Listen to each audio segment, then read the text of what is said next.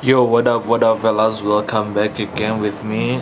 So now I'm in Malta. Malta is one of the smallest country in the Europe. So this is my second country that I can visit on because now I'm working in a cruise ship.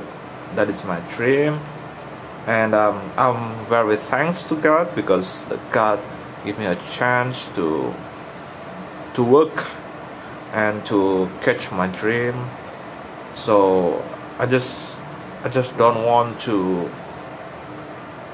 to screw up everything's because it was my dream when i was young to work here. And now is it is a good thing for me because i can work here.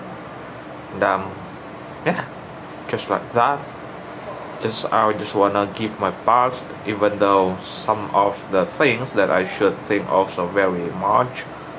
Is a is a plenty problems that I have sacrificed and it's a plenty problem that I should survive. It's so many problems that I should I should take care of. But yeah. That's a quite a good life I think for at this moment.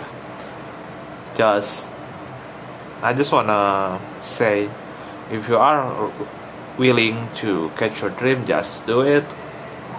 But even though not everybody can have uh, can have uh, something that that their dreams not all the people can catch it but I just wanna say there is not something impossible.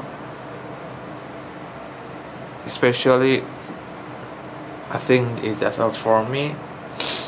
That's all.